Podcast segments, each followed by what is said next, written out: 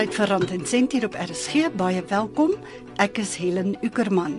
Ons sit vandag ons reeks oor die Raad op Finansiële Dienste voort en net om weer die geheue te verfris, die Raad op Finansiële Dienste hou 'n oogie oor finansiële dienste en finansiële adviseurs en tussengangers in Suid-Afrika. Hierdie reeks word ook geborg deur die Raad op Finansiële Dienste. Ons ateljeegas vandag is Wendy Serfontein van die Raad op Finansiële Dienste se departement voldoening aan die Wet op Finansiële Adviseurs en Tussengangers, ook bekend as die FICE-wet. Dit is nou FICE F A I S vir die Engelse Financial Advisory and Intermediary Services. Wendy, baie welkom in die Rand en Sent ateljee. Baie dankie Helen, dis baie lekker om hier te wees. Wendy, kan jy vir ons so kortliks verduidelik wat die doel is van die Wet op Finansiële Adviseurs en Tussengangersdienste? Die doel van die Wet op Finansiële Adviseurs en Tussengangers is om die finansiële industrie in Suid-Afrika te reguleer ten einde professionaliteit in die industrie te verseker in belang van die verbruiker. Die primêre doel van die wet is om die verbruiker te beskerm. Wendy, verduidelik vir ons wie of wat is 'n finansiële adviseur en 'n finansiële tussenganger? Is hulle dieselfde of is daar 'n onderskeid tussen die adviseur en die tussenganger? Daar is wel 'n verskil tussen 'n adviseur en 'n tussenganger. 'n Finansiële adviseur is 'n persoon met die nodige kennis en magtiging wat advies, aanbevelingsleiding en voorstelle van 'n finansiële aard aan kliënte met betrekking tot die aankoop van finansiële produkte lewer. 'n Tussenganger is 'n persoon wat namens 'n kliënt optree in die sluit van transaksies met betrekking tot finansiële produkte. Hulle staan ook die kliënt by met die koop, verkoop, bestuur, administrasie en veilige bewaring van 'n finansiële produk deur 'n kliënt aangekoop. 'n Tussenganger help uh, die kliënt met die vordering van premies asook met enige eise wat die kliënt teen 'n uh, produk te verskaffer kan hê. So 'n tussenganger kan byvoorbeeld 'n makelaar wees. Ja. Watter rol speel die Raad op Finansiële Dienste se departement wat kyk na die voldoening aan die Wet op Finansiële Advies en Tussengangerdienste? Die voldoeningsdepartement se se groot verantwoordelikheid is klagtes wat van die publiek ontvang word rakende finansiële dienste wat aan hulle gelewer is. Dit sluit klagtes in teen geregistreerde en ongeregistreerde finansiële dienste verskaffers. Um indien die klagte wat ingedien word teen 'n geregistreerde finansiële dienste verskaffer is en ons ondersoek vind dat dit so ernstig is, kan dit lei tot die opskorting of intrekking van die verskaffer se lisensie of die belet van die adviseur. Hierdie instansie of adviseur mag dan nie verder finansiële advies of dienste lewer nie. As jy praat van die belet van die adviseur, word hy dan belet om sake te doen? Ja. Dit is wat jy bedoel. Ja. Kan jy vir ons 'n paar voorbeelde gee dalk van klagtes wat julle departement al gekry het oor tussengangers? OK, een van die algemeenste klagtes wat ons ontvang is die van ongeregistreerde finansiële dienste verskaffers. Dit is waar 'n entiteit finansiële dienste aan die publiek lewer sonder om geregistreerd te wees by ons kantore. 'n Goeie voorbeeld hiervan is wanneer 'n persoon byvoorbeeld bydraes lewer aan 'n aan 'n begrafnisondernemer wat nie by ons geregistreer is nie en dan is hierdie begrafnisondernemer nie geonderskryf nie. Nog 'n klagte wat ons gereeld ontvang is teen sogenaamde Ponzi of piramideskemas waar 'n persoon groot opbrengste op hulle beleggings beloof word, maar in werklikheid word hulle dan uit ander mense se fondse betaal. Hierdie skemas vou gewoonlik en mense verloor geweldig baie geld so. So wat gebeur is ek en jy en 10 ander mense betaal in so 'n fonds in en as my beurt is om 'n uitbetaling te kry, sien maar aan die einde van die maand, dan kry, Dan kry jy- eintlik jou geld. Ja, dan kry jy my geld. Ehm um, nog klagtes is makelaars wat onvanpaste en swak diens lewer. Hulle skryf vals polisse wat die kliënte nie voorgevra het nie en wat die kliënte ook nie die polisdokumentasie geteken het nie. Dis uh, baie algemene klagte wat ons kry. Die voldoeningsdepartement ondersoek die klagtes wat ons ontvang en neem dan die nodige stappe sou ons vind dat daar nie aan die wet voldoen is nie. Ons nog gelukkig nie jurisdiksie oor al die klagtes wat ons ontvang nie, maar verwys die klagtes wat nie in ons jurisdiksie val nie na die gepaste instansie, byvoorbeeld die FIS ombud wat wel die klaar dan kan bystaan. Die Raad op Finansiële Dienste kan onder andere nie klaars help om geld wat hulle verloor het terug te kry nie. Rand en Sent se ateljeegas vandag, Wendy Serfontein van die Raad op Finansiële Dienste se departement voldoening. Ek is Helen Ukerman hier op RSG 100 tot 104 FM. As jy enige kommentaar of vrae het, stuur gerus 'n SMS na 3343. Dit is R1.50 per SMS of jy kan e-pos stuur na helen.ueck@gmail.com. Ek sal dan volgende Sondag terugvoer gee. 'n Hele paar luisteraars het Rand en Sent gekontak na laas Sondag se program. Kom ons kyk na Elsie se navraag. Elsie het 'n SMS gestuur om te vra hoe sy weet of daar onopgeëiste aftreevoordele is na haar man se dood verlede jaar. Ek het Anton van Graan, ons ateljeegas van verlede week, gevra om te help. Goeiemôre Helen en luisteraars. Haar man is verlede jaar oorlede en sy het ons meegedeel dat sy polisse wel aan haar uitbetaal is. Sy het ook bevestig dat hy as 'n vragmotorbestuurder gewerk het en ook dan vir verskeie maatskappye gewerk het. Daar was egter na sy dood geen toevallings uit enige aftreffondse aan haar gemaak nie. Ons het dan haar voorgestel om dalk na haar man se rekords te gaan kyk en te bepaal of enige dokumentasie beskikbaar is wat 'n man met besondere werkgewer of aftreffonds verbind. Julle sal onthou ons het Sondag gesels daaroor dat die onus is dan op die begunstigde om te bewys dat hy wel 'n lid van is eh, dat die persoon wel 'n lid van 'n betrokke fonds is. Ons kan mevrou Bason dan behulpsaam wees om te bepaal of die besondere werkgewer wel 'n fonds by die RFD geregistreer het en al of die persoon andersins deelgeneem het aan 'n industriefonds of anders genoemde sambreel-skema. Indien wel, sal ons dan na die nodige kontakbesonderhede kan verskaf om die hoofbeampte of administreerder van die betrokke fonds te kontak. Ons het dan wel ook ons kontakbesonderhede aan mevrou Bason deurgegee en ons hoop om haar van hulp te wees. Dit was Anton van Groen van die Raad op Finansiële Dienste wat verlede week ons ateljee gas was en wat raad gegee het aan mevrou Elsie Bason wat 'n navraag ingestuur het oor moontlike onopgeëiste aftreevoordele na haar man se dood verlede jaar. Elsie, ek hoop sy antwoord het jou gehelp. 'n Mens moet nie altyd dadelik alles glo wat 'n finansiële adviseur of iemand wat hom voordoen as 'n finansiële adviseur vir jou vertel nie. Is ek reg, Wendy? Jy's doodreg. As ek genader word deur iemand wat aan my 'n beleggingsproduk belê waarvan ek nog nooit gehoor het nie, Wat staan my te doen? Hoe vind ek uit of dit 'n produk is waarin ek wel behoort te belê? Voordat jy jou geld aan enigiemand oorhandig, meer spesifiek nog 'n individu, word jy aangemoedig om ons kantore te kontak en te bevestig of hierdie individu of entiteit by ons geregistreer is. Hou altyd in gedagte, as 'n produk te goed klink om waar te wees, is dit te goed om waar te wees. Maar wat beteken dit? iets klink te goed om waar te wees. Hoe weet jy dit is te goed om waar te wees? As iemand byvoorbeeld vir jou 'n opbrengs van 30% oor 1 jaar beloof, dis te goed om waar te wees. Waar gaan dit vandaan kom? So ek dink 'n mens moet maar bietjie jy weet dink oor en as jy nie seker is nie, kontak ons kantore, ons kan jou help. Hoe belangrik is dit om by die Raad op Finansiële Dienste vas te stel of 'n adviseur of tussenganger wat 'n produk of diens aanbied, wel by die raad geregistreer is voordat ek besluit om met hulle sake te doen? Dit is baie belangrik en dit is die eerste stap wat jy moet neem voordat jy 'n kontrak met 'n entiteit sluit of geld by hulle belê. Entiteite wat by ons geregistreer is, moet voldoen aan ons reëls en regulasies en aan die wet en daarom is dit 'n veiliger opsie as 'n ongeregistreerde entiteit. Moet produkte ook by die raad geregistreer word of net adviseurs en tussengangers? Ons reguleer slegs adviseurs, tussengangers en dan finansiële dienste verskaffers, nie produkte nie. Waar kan ek uitvind of 'n produk 'n goeie produk is? By die maatskappy wat dit verkoop dalk? Kan ek Ja, ek dink dit is dalk die beste om die produkverskaffer, met ander woorde die Sanlam of die Old Mutual om 'n om 'n voorbeeld te noem te kontak en dat hulle vir mense presies verduidelik wat gaan hier aan. En ja. ek dink ook natuurlik maatskappye wat 'n goeie naam het, wat bekend is. Ja. Die groot is, hulle kan 'n mens maar ja. vertrou. Ja. Dit is as jy nog nooit van 'n plek gehoor het nie wat jy maar liewer moet gaan dubbel seker maak. Ja. Definitief. Is daar 'n manier waarop ek dan kan vasstel wie by die Raad op Finansiële Dienste geregistreer is? Daar's 'n soekopsie op ons webwerf. Um, maar indien jy onseker is, kontak ons kantoor om dubbel seker te maak. 'n Mens moet baie versigtig wees met wie jy met jou geld vertrou. Ons webtuiste is www.fsb.co.za of jy kan ons skakel by 0800 110 443 of 0800 20 2087 en die ontvangs is 012 428 8000. Nou ja, ons gaan al daardie nommers aan die einde van die program herhaal. So hou maar daai pen en papier gereed as jy dink jy het dit nodig.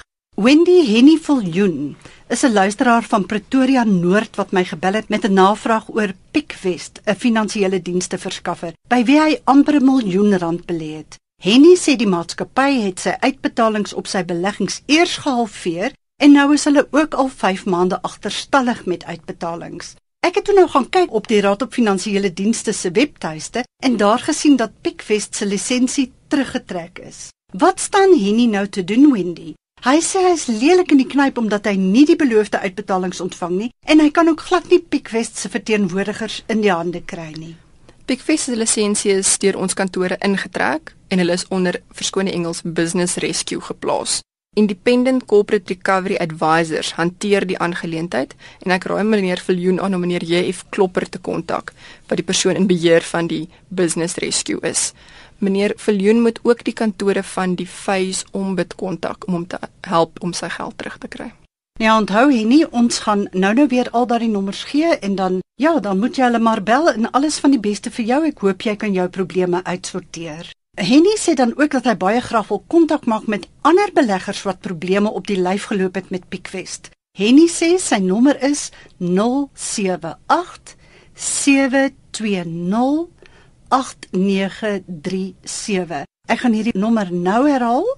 078 720 8937 en dit is die nommer van Henny Viljoen wat graag wil kontak maak met beleggers wat ook probleme op die lyf geloop het met Pickwest. Dis tyd vir Helen se geldwenk. Geldbestuur gaan oor selfbeheer. Hoe gouer 'n mens leer dat jy nie alles nou hoef te koop nie, hoe beter. Dis maklik om jou kredietkaart uit te haal en te koop, maar daardie skuld moet betaal word. Dit is meestal beter om te spaar tot jy genoeg geld het en dan te koop. Maar as jy wel gebruik maak van 'n kredietkaart, maak seker jy kan die volle bedrag aan die einde van die maand vereffen. Dit was ons geldwenk van die week. As jy nou pas ingeskakel het, jy is by Rand en Sent op RSG met Helen en ons praat vandag met Rand en Sent se ateljeegas Wendy Serfontein van die Raad op Finansiële Dienste se departement Vice Voldoening. Vice staan vir die Wet op Finansiële Adviseurs en Tussengangers en Wendy se departement kyk dus of Suid-Afrika se finansiële dienste verskaffers en adviseurs hulle by die wet hou. Wendy, ons het nou al in hierdie reeks geleer dat ons by die Raad op Finansiële Dienste kan gaan kla as ons ontevrede is oor finansiële dienste wat aan ons gelewer word. Hoe werk dit as ek spesifiek wil kla oor 'n finansiële adviseur of tussenganger? Helen, eerstens alle klagtes moet op skrift by ons kantore ingedien word. Dit kan met ander woorde gefaks, per hand by ons kantore afgelewer word, per pos na ons versend word of per e-pos. Daar is 'n standaard klagtevorm op ons webwerf beskikbaar wat jy kan gebruik om jou klagte in te dien. Onthou dat jy soveel as moontlik inligting in jou klagte moet vervat. Definitief die naam van die persoon teen wie jy kla, indien jy 'n ID-nommer het, indien jy kontakbesonderhede het. Hoe meer inligting jy vir ons gee, hoe makliker en hoe vinniger kan die ondersoek afgehandel word. Indien jy nie van die klagtevorm gebruik wil maak nie, kan jy ook die klagte in 'n gewone briefvorm vir ons stuur. Volg die departement dan 'n standaard proses sodra een van hierdie klagtes ontvang word? Die proses hang van die meriete van die klagte af. Um, ons stuur 'n skrywe aan die klaer om te bevestig dat ons jou klagte ontvang het en dat ons besig is om dit te ondersoek.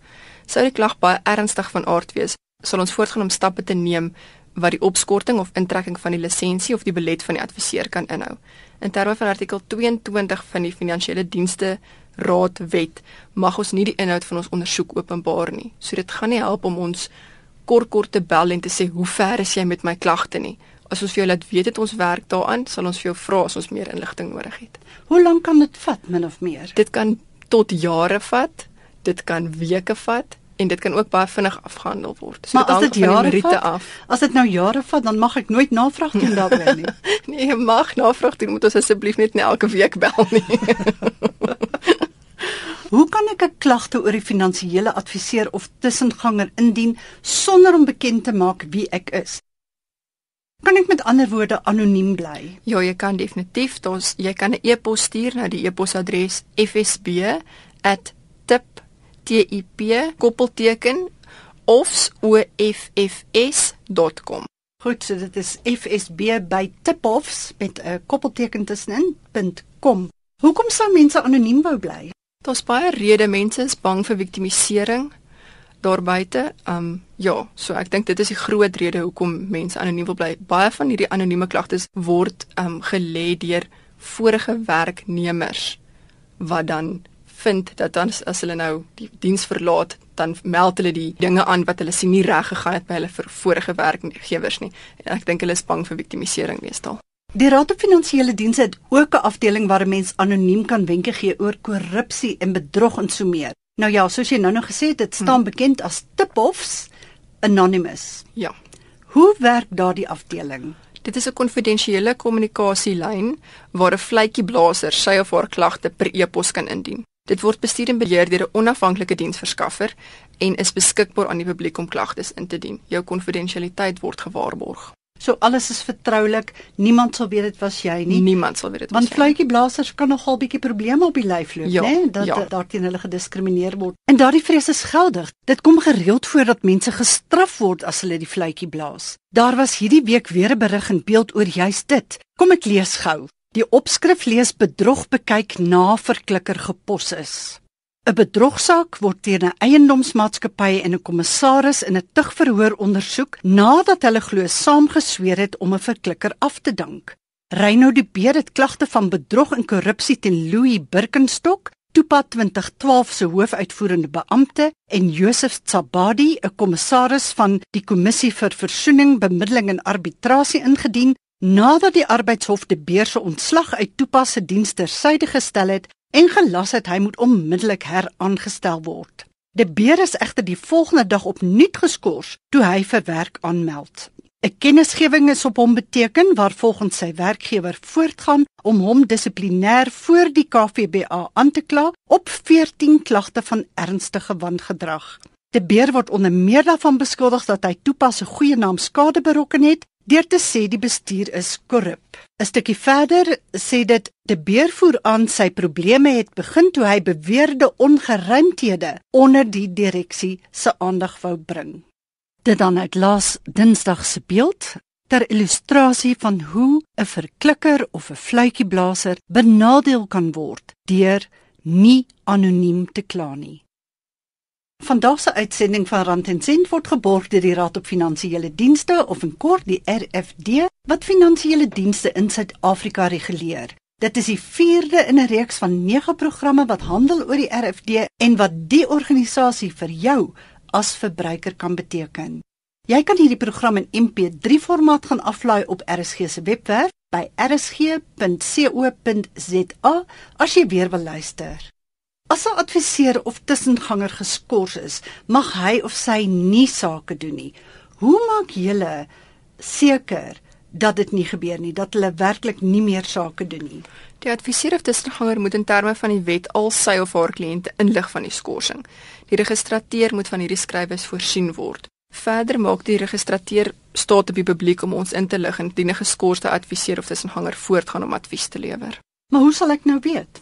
Ek het 'n adviseur, hy lewer vir my advies. Ek weet nie of hy geskort is nie. Dis hoekom dit so belangrik is om ons met ons kantore seker te maak die persoon wat jy mee besigheid doen is wel by ons geregistreer.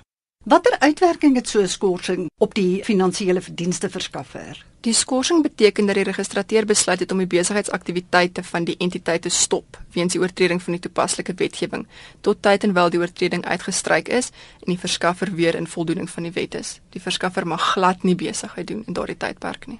Onder watter omstandighede word die finansiële dienste verskaffer se lisensie opgeskort of teruggetrek?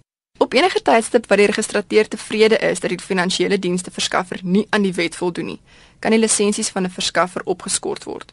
Meestal rakende kwessies soos die versuim om finansiële state in te dien, voldoeningsverslae in te dien of fooie te betaal.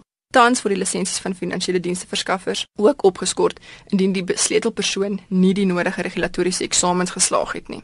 Sou 'n verskaffer nie voldoen nadat sy lisensie opgeskort is nie, gaan die registrateur voort om sy lisensie in te trek na 'n tydperk wat aan die verskaffer bekend gemaak word. Die lisensie van verskaffers word ook ingetrek op grond van gebrek aan eerlikheid en integriteit. So as sy lisensie teruggetrek word, dan moet hy aan al sy kliënte laat weet ek mag nie meer sake doen nie.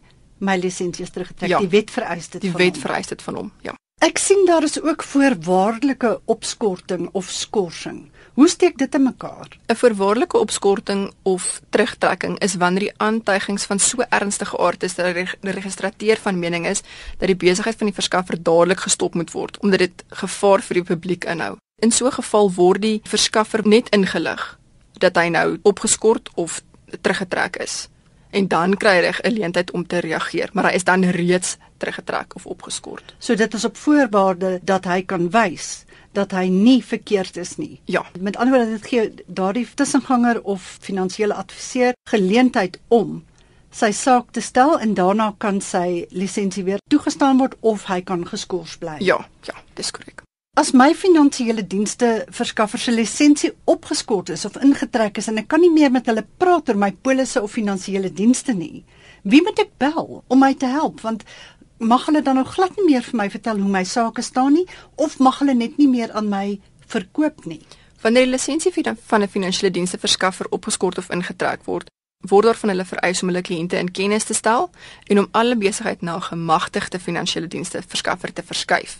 Die kliënte moet dan ook ingelig word van hierdie verskuiwing. So as jou verskaffer ingetrek of opgeskort is, moet hy jou laat weet dat dit die geval is en hy moet jou dan skuif na 'n gemagtigde verskaffer toe.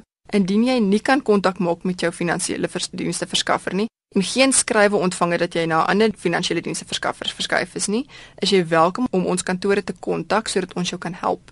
Indien jou belegging by 'n produkverskaffer gemaak is, kan jy hulle ook direk kontak. Nou ja, nou mense, kom die nommer. Wees gereed. Wendy, waar kan ons die Raad op Finansiële Dienste kontak vir meer inligting of as ons 'n klagte het? Goed. Helen, die oproepsentrum is 0800 110 443 of 0800 202087. Jy kan ook 'n e-pos stuur na info@fsb.co.za. Goed, ek gaan dit gou herhaal. Die oproepsentrum 0800 110 443 of 0800 2020 87. Jy kan ook e-pos stuur info@fsb Financial Services Board fsb.co.za. En natuurlik het hulle ook 'n webwerf www.fsb.co.za. As jy korrupsie wil aanmeld in die finansiële dienste sektor, het hulle die tip of lyn 0800 313 626. Dit is die tip of lyn 0800 313 626. As jy korrupsie per e-pos wil aanmeld, e-pos na fsb by tipoffs t i p koppelteken o f f s.com. Wendy baie dankie dat jy kom kuier het. Helen baie dankie, dit was lekker om met jou te gesels. Vandag se program is geborg deur die Raad op Finansiële Dienste of in kort die RFD wat finansiële dienste in Suid-Afrika reguleer. Volgende Sondag om 0.30 is Rand en Sent terug met meer inligting oor jou persoonlike geldsaake. Intussen stuur gerus daardie SMS na 3343 as jy vra of kommentaar het. Ek is Helen Ukerman. Geniet die Sondag verder.